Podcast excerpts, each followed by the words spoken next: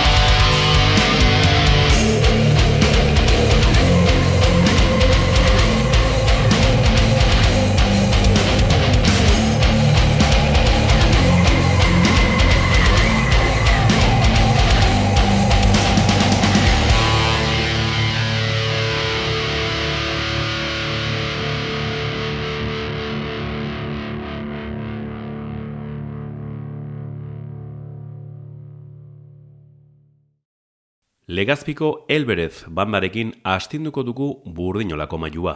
Bi hamarkada luze pasadira taula gainera igo zirenetik, eta duela gutxi ospatu zuten sorterrian. Liburu berezi bat prestatzen ari dira, beraien historia hitzekin eta irudiekin kontatzeko. Karma, azken laneko, doinu ilunak kantuarekin abiatu dugu saioa. Elberez taldearen orain arteko ibilbidea laburbiltzeko irukide gonbidatu ditugu burrinolara. Aritz legorburu basu jotzailea, Ruben Sánchez gitarista eta Iker Manso gitarista eta abeslaria. Gabon irukote? Gabon. Gabon. Gabon, Zer modu zaudete? Ondo, oin arki.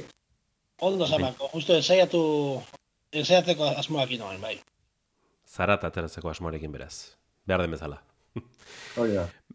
Beno, hogei urte, bete zenitu zen iaz, taula gainean, baina pandemiaren eraginez urte bete beranduago ospatu behar izan duzue urte urrena.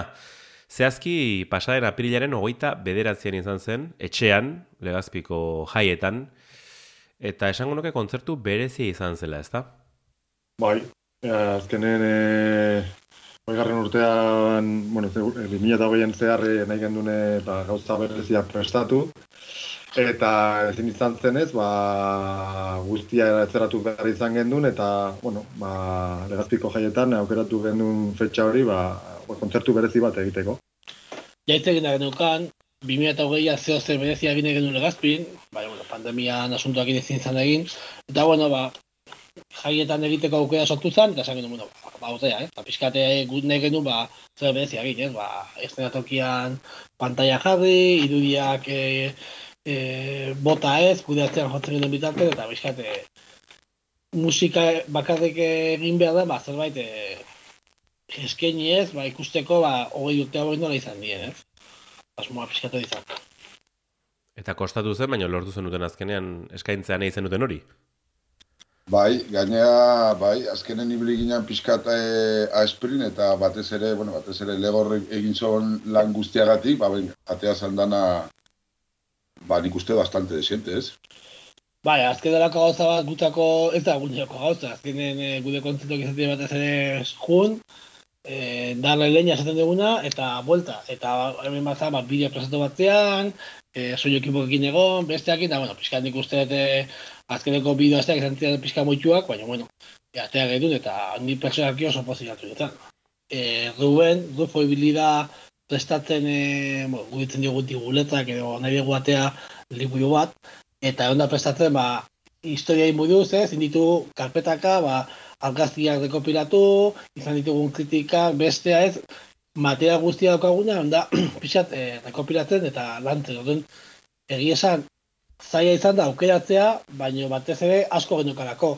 Gero, nahiko ordenatuta genukan, duzuk egin duen lan horregatik, eta, bueno, mm, izan da pixka ameno, eh? Ba, eseri, e, zerbeza batekin hasi eta padoratu bota, eta hau bai, hau ez, hau bai, hau bai, eta hola izan da, baina ja, autetik hartu fokin da zeukarako e, lan hori, ez? E, urteka, edo epokaka, arkaziak egoten artea.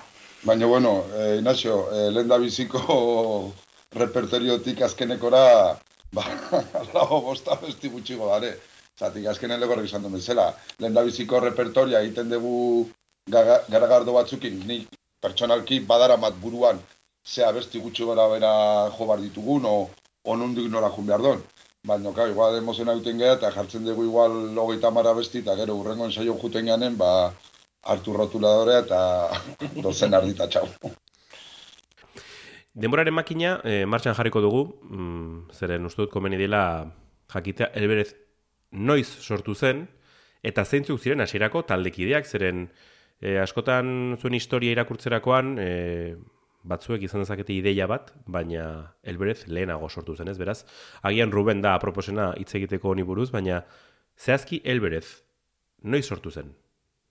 Bueno, a ber, eh, karo, zuk esaten duzuna dauka esplikazio, kau, da, dauka bere esplikazioa. Azkenen Elberet, Elberet taldea izena eh, sortu zen, oin gaudenetik ni bakarri ni bakarra nago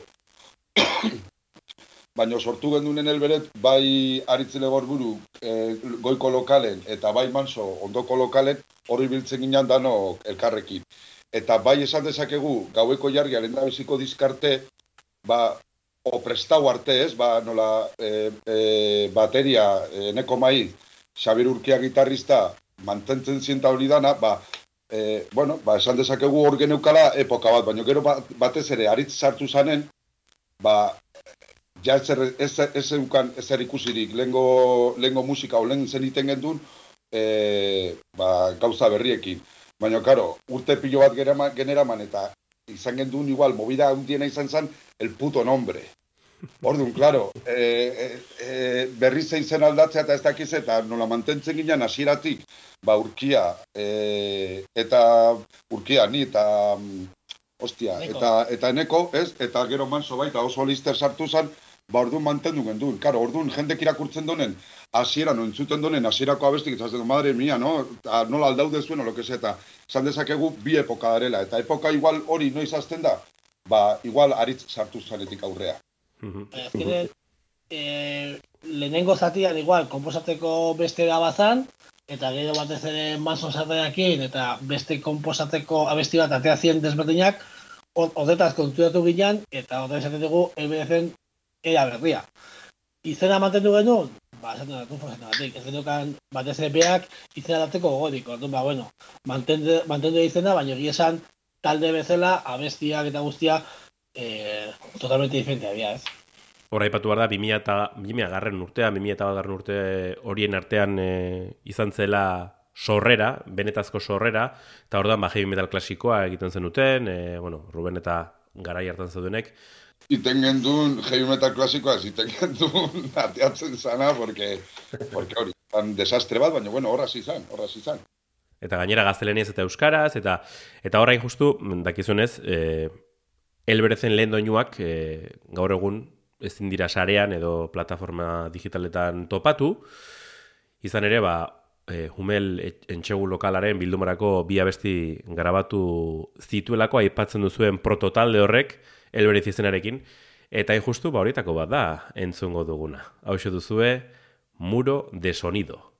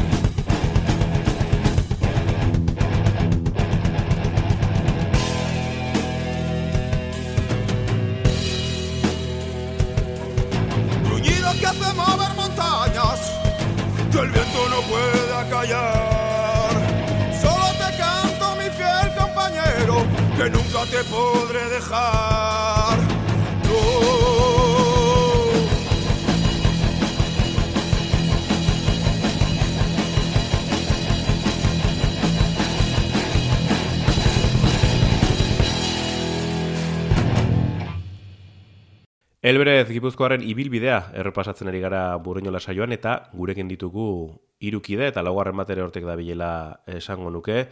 Ruben Sánchez, Aritz Legorburu, Iker Manso eta Xaber Etxeberriare hortik agertu da, gaur egungo materia jotzailea.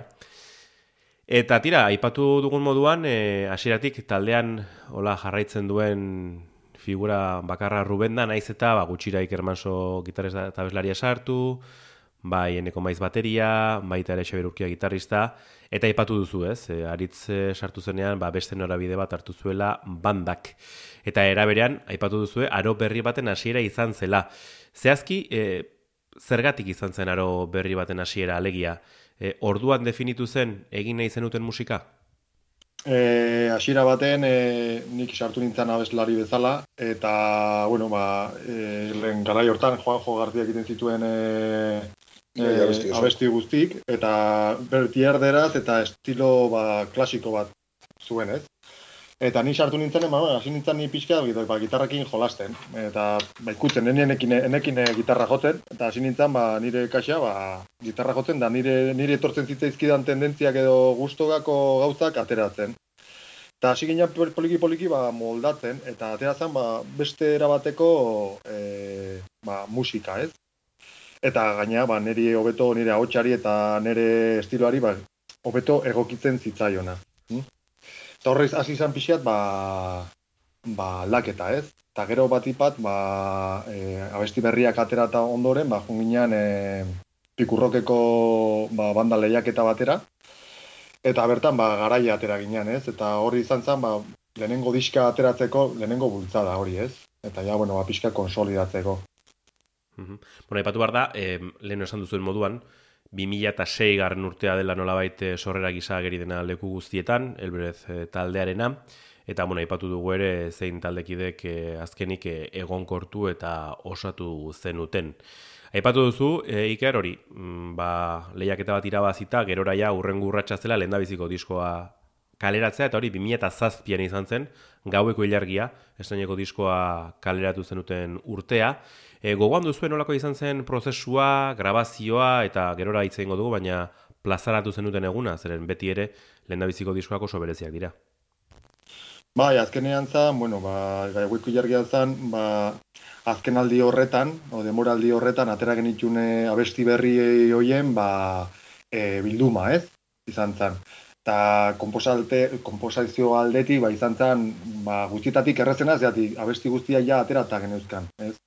Ez da diska berri bat, e, zerotik egin, egindakoa, ez? Eta orduan, ba, xarma handia izan zuen, e, gaueko jargia gra- grabatzea eta batipat, ba, lehenengo grabazio izan zalako, esperientzia zero, esaten zan bezala, zeati ez zegoen eh, ez plataforma digitalik ez ordenagailuik horrelako ba, grabaketa bat egiteko, eta orduan ba, esperientzia berri bat guztiontzako, ez? Azkenen, lehenengo disko izan da, ba, ez, ira- i- pikurdoketa gero ira- erabaki genuen, bueno, dazkagu abesti sorta bat, azkeneko bi urtetatik ateatakok, orduan, ba, bueno, grabatzea goaz. Egie da, maso du bezala, ez? Hor- Horko di, abestiak ez dira urte di bestea sortakoa, baizik eta hiru bi urteko eh, no, bi, urte atzera botata, hortik hasitako eh, komposatzea du, ba, bueno, da disko bat, donde más has machacado los temas, orduan, ba, bueno, horrekin junginan, eta maso esan bezala, bakarai hortan orduan, e, home studio datako gauzak e, azten zeuden, eta ba, gu junginan este, estudio txiki batea, algen nuen egitea, ez? eta bueno, ba, hor dago Manu Villasante. man, manukin, bai. Bai.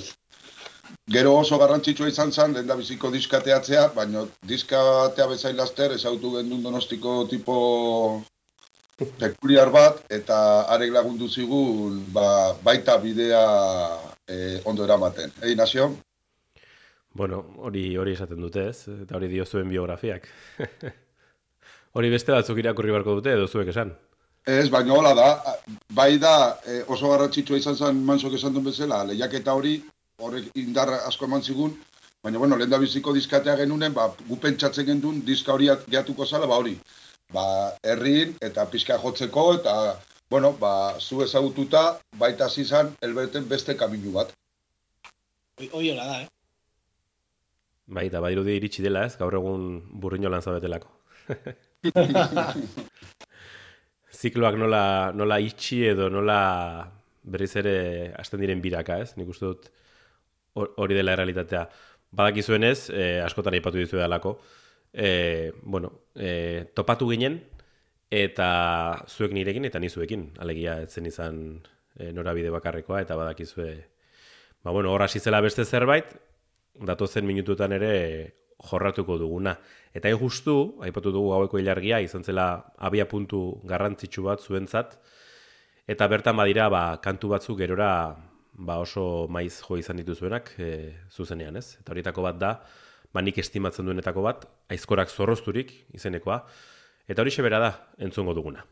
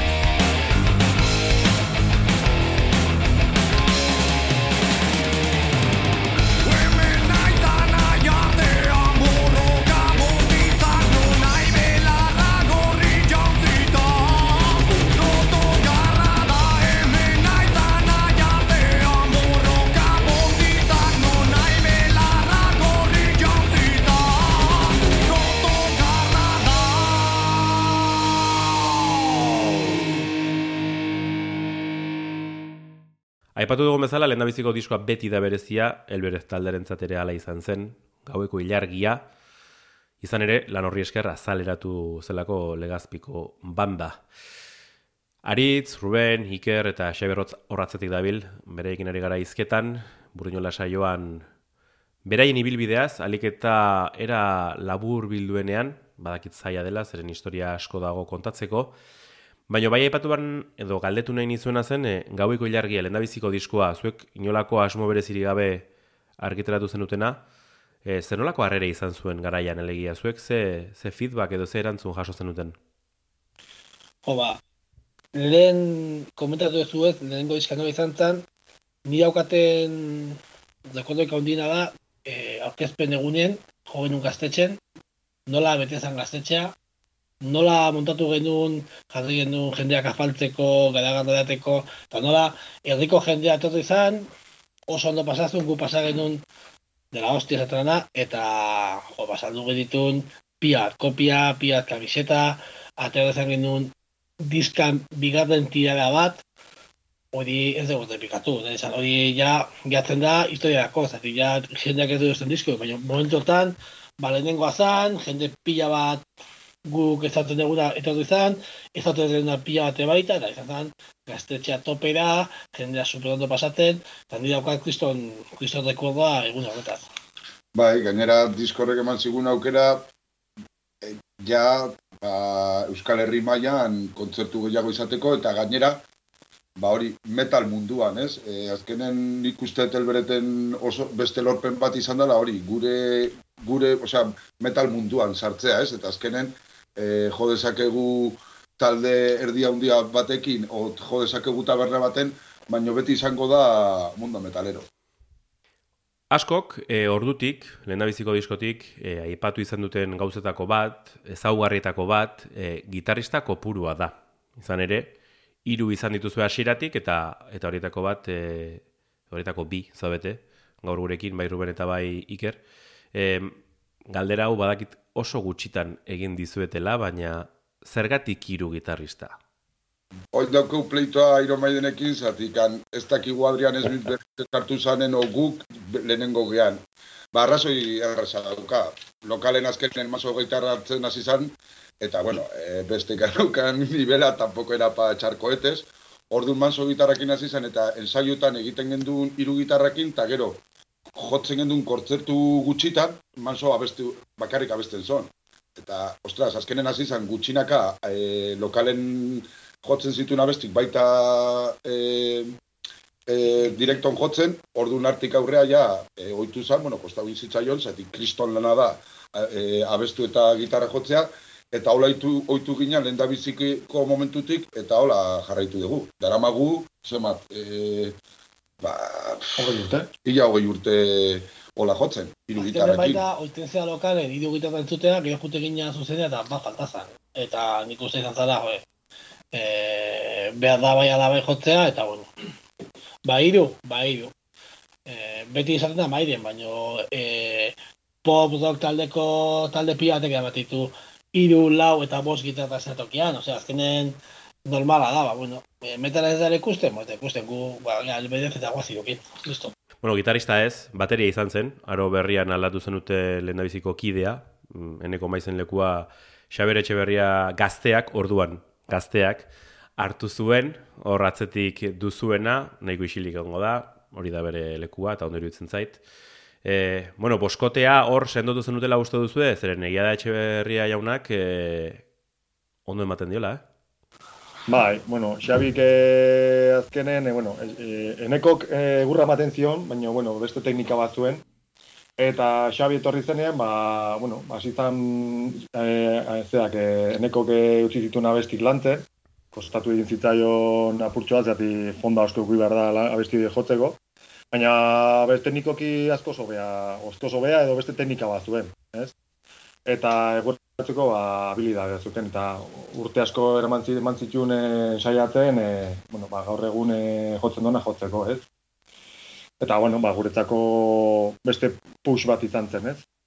Azkenean ikusen etxebe jotzeko daukan era, endekokin ezberdina da, baina etxebe jotzen du oso ondo, dauka musika e, entzuteko, ez entzuteko, interpretateko modu oso oso ona, nire asko gustatzen eta aportatu dio albezi pila bat, ez? Mansoren edo zein riffekin, etxebek jotzen da, eta ja beste horriak azu. Eta hori, ba, talde bat entzako da la hostia. Etxe beha daude? Zagi bat esan, ni naxo. Nik uste bai, etza daudela. Talde hasi gineanen, eh, lo, jotzen gendu lokalen, eta gu eh, eh, ez gero neskan hogei urte.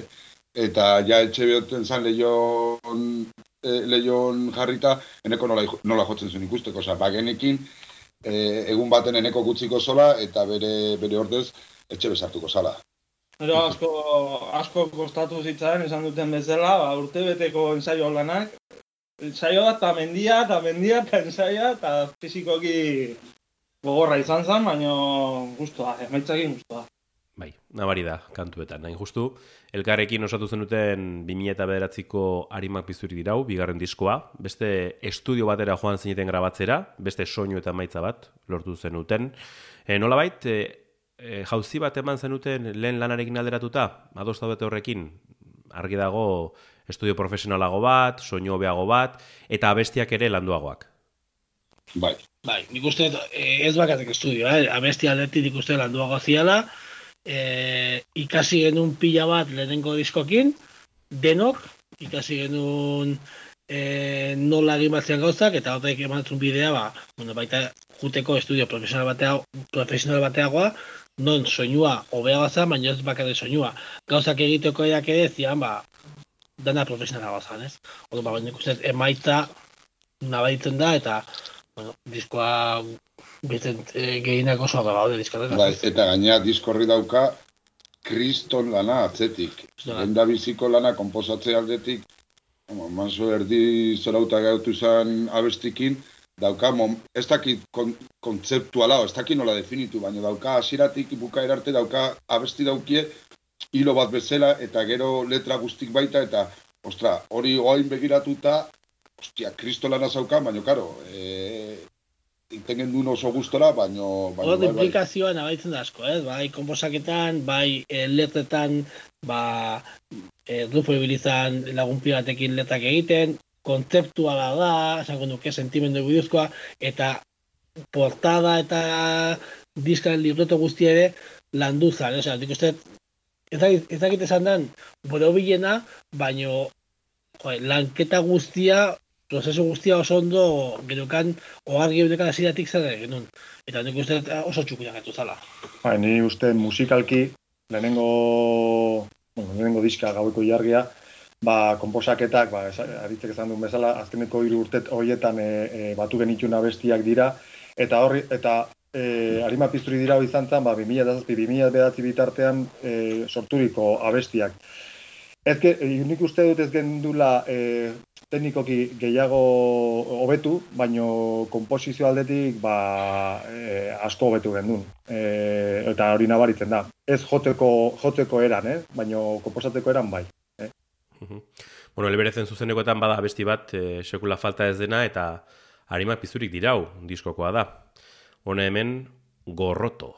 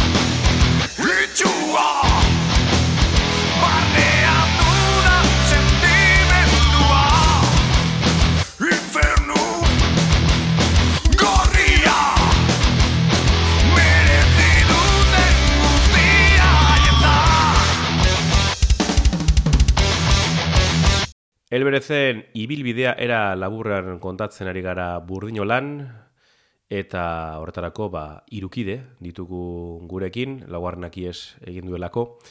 E, bi disko aterata eta ordurako hainbat kontzertu eman da, e, bandak oi hartzun gehiago lortu zuela uste duzue?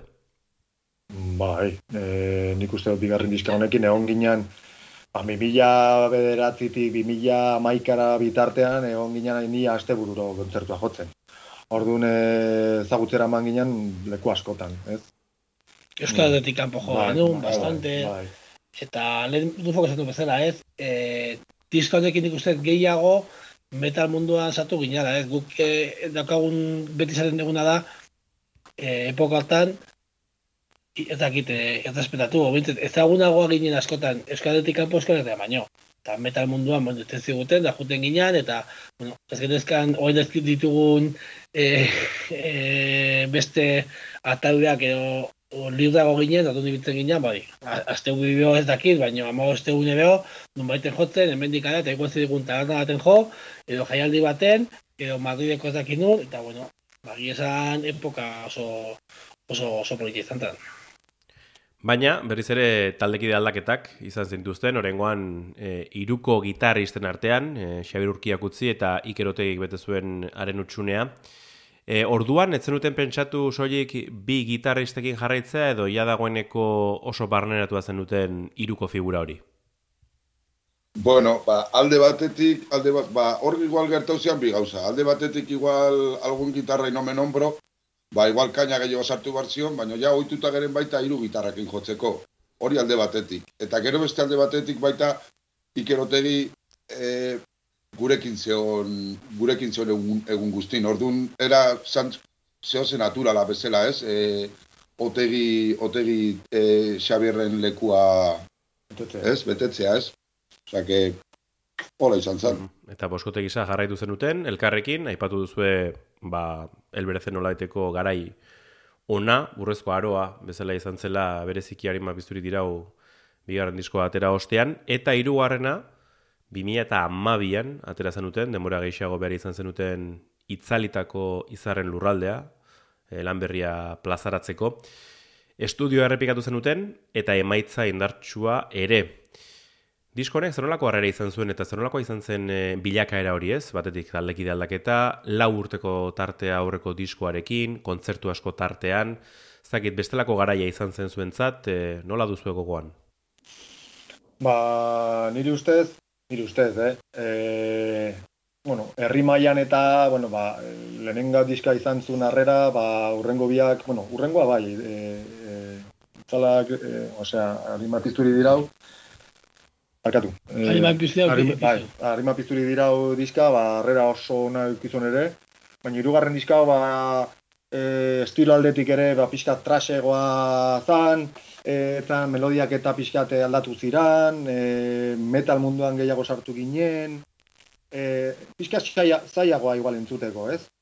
Eta igual estilo konkretu batetara igual zuzenduta. Ordun e, harrera etzan hain, hain, hain ona izan, e, herri mailan, eh? Baina bai e, Espaini mailan e, jotzen gendun leku bakoitzean, ba, jendeak oso ondo har- hartu zuen diska hau, ez?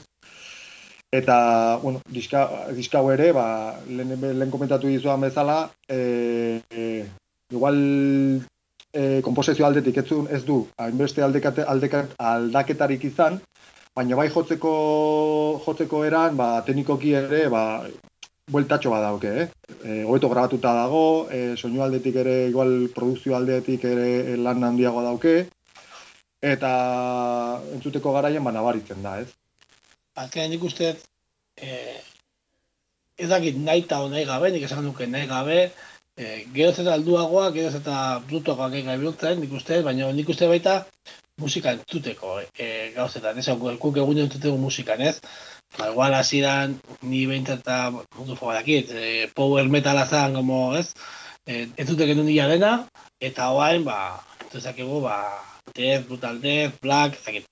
Eta hor nik uste diskortan da baitzen pixkat baita influentzia horiek, ez nola pixkat jungean aldatzen influentzia horiek eta diskat nabaritzen dira, eta egie da, ba, igual, metal klasikoa gustatzen jendea, edo melodia horiek gustatzen jendeak, ba, pixka bat gatu zen, como, joder, hau ez da lengo elbez, bueno.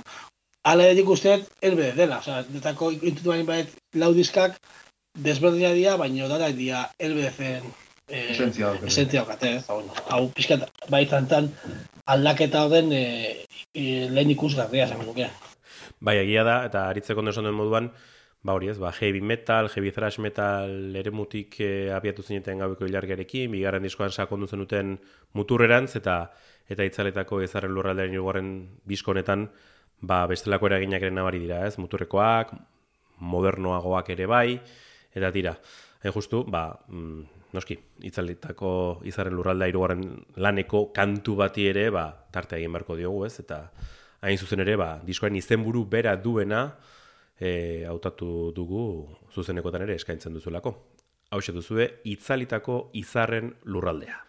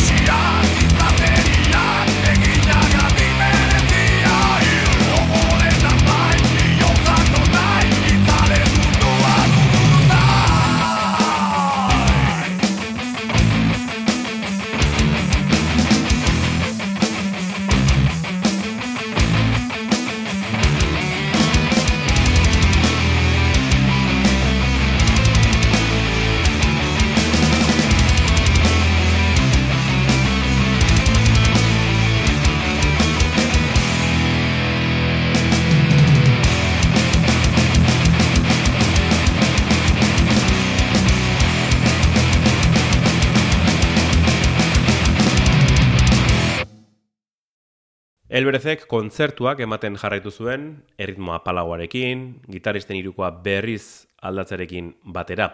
Iker Otegiren ordez, e, Xabier Castaño, sartu zen taldean, aldiz, Karma, laugarren diskoa orain arteko azkena, 2000 eta amazazpian kaleratu zenuten. Aurreko lanetan izandako muturrenazko joeraren emaitza dela esan dezakegu orain gutxi aipatu dugun moduan, eta hemen ja, Karma diskoan, erabat e, aipatu dituzuen deabruak askatu zen dituzten. Hori da. Bai, bai. E, nik uste, e, ez da, dakit berriz ere, nahi eta nahi gabe, nik uste, kaso honetan igual, bai, komposateko ja, masok ideia garbia bazuela zer da izan eta denok egin genuenetik, ba, bideo diatzea gustatu izaigun, baina bai, e, influentzia gogotea junda, garbi dago. Ba, trase estilo horretatik, ba, E, ba, lehen esan, esan dudana, eh? Ze, azkenen e, beste talde batzuteatik influentzatzen gehala, eta ba, estilo modernoa duten e, e, taldeak entzuten hasi ginen, eta ba, joera pixkat ba, horrera junda, ez? Eta gaina hori, edadekin eta geroz eta alduagoa gehanen, ba, geroz eta astakillo edo brutuagoak bihurtzen, bihurtzen gara, ez? baita, igual landuena, ez? Baita ez baitu dezantzian aurreko diskotik, ia bost urte. Eta buelta asko abestiei, hau bai, hau ez, e, maso eta etxebek ordu asko bie batera zi bakoitza matxakatzen, besteak e, aportatzen, ordu bat, nik ustez bai izan dena, disko lan duena. Osea, bai. buelta gehien eman digun diskaz, zio. Baina, gero bat ipat, e, grabazio estudio aldaketakin ere zer ikusia dauke, ez? Azkenen, e, axularrekin ingen duen azkeneko bizkau, eta xularrek ba, asko lagundu zigun e, produkzioan, eta ideiekin, eta nola egin, nola ez egin, ahotsekin, e, moldaketekin, e, ba, lan bikaina egin zuen gurekin, ez? Eta hori ba eren e, diskoan ere nabaritzen da. Gaur egunera etorrita, noizko bosgarren diskoa? Uf, hombre, nik uste bosgarren diskoa gongo dala, noizko zatea zaila da, Ez dut uste urte asko pasako Ez, baina nik uste urrengo, urte, urrengo urteako ja bai, definitu hau izango degula. Zer pasatzen da inaze, ba, lehen igual, bueno, lehen, ja dara urte asko gauzak hartzen ditugula pizkala saia gordun. O, e, txistek esaten dut bezala, no? Azetas o arroles, ez? Orduan, e, kontzertu baldin badezkeu, egiten ditugun ensaiokin, ematen dugu kontzertu prestatzeko. Eta kontzertuk ez baldin badaukogu, orduan jartzen dugu ja makina martxan, ez? Ba, grabatzen ditugu ja abesti berrik, o, o, o zati berrik, e, ideia, ideia e, lantzen ditugu, eta hori dana. Baina biak batea egitea, ja, ja ezinezkoa da. Orduan, klaro, oin kontzertu dauzkon bitarten, bajungo da pixkat lasaiago, baina nik uste dut urrengo urten hartuko degula ja hilabete batzuk lasai, eta egindako lenda biziko lana ja eginda daukeu, o eginda daukie, eta nik uste dut urrengo urte... Bai, lana, e, asko falta egiteko, baina, bueno, ideia asko daude, grabatuta, abesti erdi amaituak, eta nik uste, bueno, o, udata gero, hasiko gara, ja, pizka seriago, ba, komposaketan e, sartzen, ez?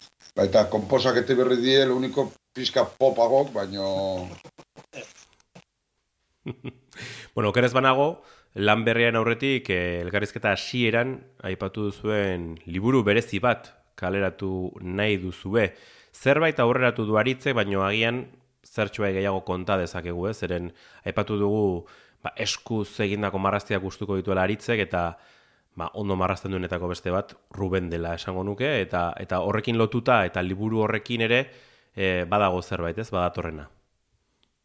Hori da, bueno, eh, a ver, hasieran igual eh, taldeko eh, farena ni naiz, ez? Ordun beti izan dut, ez? Elbeleten bai kontzertuk, bai argazki, disko, dana gordeta, dana, kautan, egia da, ba, naukala gogoa, e, daukan lan guzti hori, ba, liburu batean e, sartzeko. Eta gero beste alde, dola, urte, urte askotan, egindako lana e, letretan, ez, ba, ba hori, e, ba, pixkat, ba, jendek ikusteko, no, zertaz hitz egiten dugun, zergatik hitz egiten dugun, eta gaina, pues, pues, un poco artistiko, pues, marrazki bat, letra bakoitzeko marrazki bat. Gustatzegu, letrak ez gea bertsoa ifinak, ez gea poetak, baina bai gustatzaigu, ba, disko baten iteitea e, tema konkretu batutaz, laguna bilteitugu, lagunak asko, e, leta askotan asko, o leta osoak dituzte, edo idei asko man dizkigute, eta da prozesu bat baita, jogutako oso aberazgarria, eta ikusita du bere daukan eskuakin, eta baita jende askok, Euskaletik kanpo, ez du da ulertzen bada modu bat esplikatzeko jendeari, marrazkia baten bidez, zertaz lan leta hori. Eta uste, bueno, ba, lan oso oso txukuna dela gehatzen, hogeita, hogeita bat gehi, oza, hogei gehi bateko urtetenean, aurkeztu genitu, edo proiektatu genitu marrazkitako batzuk, eta, bueno, ba, ideia da hori, ez? E, abesti bakoitzeko eta era bakoitzeko, ba, marrazki bat e, sartzea, eta paixat esplikatzen duna, letra bizantaz doan aipatu dugun bezala, ba, hogei gehi bat, ikusiko dugu zenbat gehiago etortzen diren, eta horiek ikusteko aukera dugun beraz, iruei mi esker, lan gurekin bat egiteagatik eta nahi duzuen arte. Zuri. Mi esker, Ignacio. Eta jarritzen dugun bitartez, baki zuinatxio. Zurekin batea. Legazpiko Elberez taldeak urteak batzen jarraitu nahi du agertokietan. Bosgarren diskoaren esperoan, zuzenekoen bitartez mantenduko dute duela bi hamarkada luze abiatu zuten abentura. Programa bukatzeko, orain arte estrenatu duten azken abestia hautatu dugu. Azken bidaia. Urrengora arte, metalzale.